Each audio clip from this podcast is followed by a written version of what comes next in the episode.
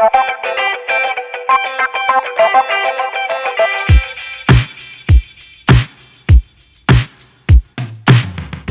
iedereen, fijn dat je luistert naar de tweede aflevering van Jeugdpraat. Een podcast voor en door de Oudenaardse jeugd. Ik ben Helene en voor mij zit Julie Dossen, de schepen van jeugd, dat is het belangrijkste, maar zeker ook van lokale economie, KMO, middenstand en internationale betrekkingen. Schepen van zeer veel dus.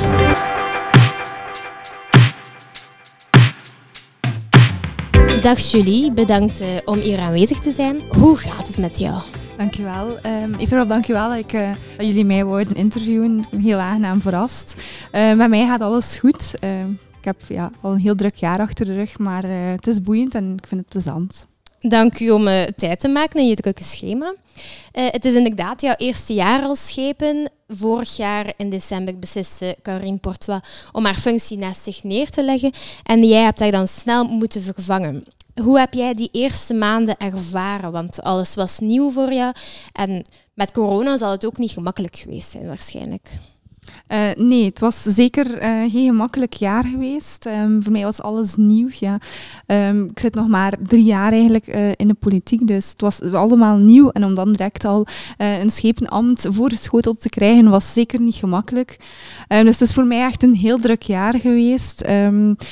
ja, ik heb eigenlijk heel veel mensen, heel veel nieuwe mensen leren kennen, wat dat wel heel fijn is.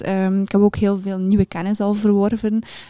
heel veel, ja, ik moest mij ook inwerken in dossiers en in, in, van alles. Um, dus hoe heb ik dat eigenlijk voor, vooral aangepakt dan mijn eerste jaar? Ik heb ja, heel veel met mensen gepraat, um, geluisterd. Maar wat zijn ze bezig? Um, wat komt er nog? Wat zijn hun wensen?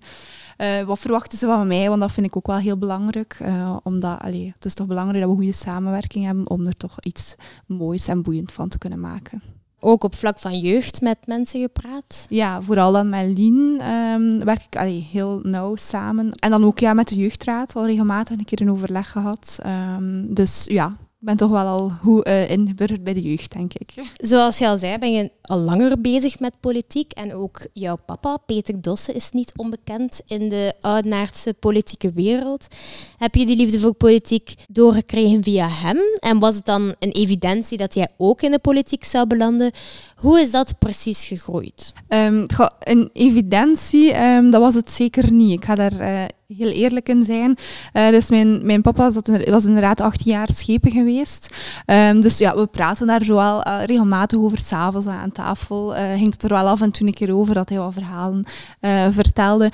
Maar um, dat voor mij direct iets was van, oh ja, dat is hetgeen wat ik hier direct ook ga doen. Um, dat was niet onmiddellijk iets waar ik van overtuigd was. dus het was eigenlijk ja, dan gekomen en mijn papa zei dan, ja, voor mijn gezondheid ga ik niet meer verder doen, ga ik um, stoppen. Dus dat was zo van, ah ja, zie hij dan niet zitten om, um, om mij op te volgen? In het begin zei ik, ja, nee, nee, papa, ik zie dat niet zitten ja, ik denk, ik was daar op dat moment ook ja, heel bedeesd nog. Ik was een stiller persoon. Ik dacht, ja, ik ga daar niet, ik ga daar niet hard genoeg voor zijn, want uiteindelijk is het wel uh, een redelijk harde wereld. Dus, um, maar bon, ja, dan toch wel allee, er regelmatig een keer over gepraat. En dan was van, allee, probeer het. En je zult het zien, als je het niet probeert, kun je het niet weten. En het kan maar een ervaring zijn. En eigenlijk zo, ja, op die manier ben ik er dan toch wel wat ingekomen. Dus, uh, maar een evidentie van, ah, ik ga dat zeker hier nu doen... Uh, al op voorhand, al, die jaren ervoor, dat was het zeker niet. Ja, en ook uh, naast schepen heb je ook nog een andere job. Je bent apotheker. Is dat een beetje te combineren met jouw functies? Um, te combineren, ja, dat, dat lukt altijd. Hè. Dat moet soms gaan. Um, ja, het is wel zo dat het zwaar is. Ik werk nog voltijds. Dus, um, en dan nog voltijds ja, mijn schepenambt erbij. Dus uh, het is niet altijd gemakkelijk. het is wel wikken en wegen. Maar tot nu toe lukt het wel. Ik heb ook op mijn werk... Uh, allez, zijn ze er ook wel. Ze weten het allemaal. Ze hebben er allemaal wel uh, respect voor dat ik dat doe. Dus dat lukt. Maar het is soms wel heavy. En bevalt het jou een beetje, de politieke wereld? En vooral smaakt het naar meer? Ehm, ja, ik zei het, zei zoals in het begin, er was zeker geen evidentie. Was het voor mij ja, niet zeker als dat wel iets voor mij ging zijn, maar alleen nu, zeker door nu mijn schepenambt op te nemen, is het voor mij ah, wel allee, is het een heel boeiende wereld. Um, ik had nooit gedacht dat ik het met zoveel um, ja, interesse ging doen, eigenlijk. Um, ja, ik krijg er heel veel voldoening uit. Niet altijd natuurlijk, maar uh, het, is, het is heel boeiend en momenteel smaakt het zeker naar meer. Oké. Um, laten we het nu anders een beetje hebben over jeugd, want daarvoor zijn wij natuurlijk. Wat heb jij al bereikt voor jeugd en wat zou jij graag nog bereiken tegen het eind van jouw legislatuur? Um, wat heb ik bereikt? Ja, natuurlijk, ik ben nog niet zo lang bezig, dus um, echt dingen bereikt denk ik niet dat ik al gedaan heb. Maar bereikt in die zin wel. Uh, ik heb al heel veel uh, gepraat met de jeugd. Ze weten denk ik ook, hopelijk, uh, dat ze bij mij terechtkomen met al een vragen als er iets is, als er en iets niet gaat of zo. Uh, altijd welkom bij mij. Dus ik denk in die zin dat, um, dat ik misschien toch al iets um, bereikt heb. Wat zou ik nog graag bereiken? Um, natuurlijk, ja, de legislatuur is al wat in de helft. Dus het is al, de tijd is niet meer zo lang. Maar ik denk vooral wat dat een belangrijk iets is, dat, dat de stem van de jeugd ook belangrijk wordt in het beleid. En, en dus eigenlijk in alle beslissingen die genomen wordt, dat de jeugd um, daar ook zijn stem kan in hebben. En als ze ook weten dat wij als bestuur, dat, dat de jeugd welkom is, uh, met alle initiatieven, dat wij daar zeker voor openstaan. Laten we anders ook eens vooruitblikken op 2024. Nu dat het niet meer verplicht is om te gaan stemmen op lokaal niveau, is het belangrijk om iedereen aan te sporen om toch naar de stembus te trekken. Hoe zou jij dat doen en dan vooral naar jeugd toe? Goh, hoe zou ik de mensen uh, motiveren? Um, dat is, ja, uh, we hebben beseffen dat de jeugd, ja, dat ze echt belangrijk zijn voor ons, dat vanuit de jeugd moet komen, de nieuwe initiatieven voor de stad. Um, dat van de oudere mensen, ja, is dat iets anders. Hè, dat eigenlijk, ja, het is, is de jeugd dat we nodig hebben om vooruit te kunnen, om van oud naar een mooie stad te maken, om ook om niet alleen mooi te maken, maar om hem ook te behouden. We hebben denk ik wel een heel mooie stad, maar het is belangrijk dat we dat ook kunnen behouden. Um, dus ja, we hebben zeker um, jong volk nodig uh, om eigenlijk um, nog verder te werken aan, uh, aan onze mooie stad. En mocht je dan herverkozen worden, zou je dan weer voor jeugd kiezen of zou je dan liever iets anders doen? Uh, nee, ik zou wel heel graag terug um, bevoegdheid jeugd hebben. Ik vind het heel, um, heel mooi ook om te zien allee, hoe alle jeugdverenigingen, hoe die enthousiast zijn in alles. Uh, hoe die achter alles staan, de jeugdraad ook. Heel mooie initiatieven. Um, dus ik vind het echt heel bijzonder uh, om dat te zien. Dus, en daar wil ik zeker aan meewerken. Dus als het kan en als ik herverkozen ben, zou ik zeker aan nog scheep van jeugd zijn. En zie je dan ook een carrière zitten op Vlaams niveau of federaal niveau? Dat is um, natuurlijk al een, een vraag voor, allez, voor een heel stuk verder. Ehm, ik denk dat het vooral belangrijk is dat ik nu begin op lokaal niveau. Um, want ik moet nog heel veel leren. Ik ben er nog maar net in gestapt.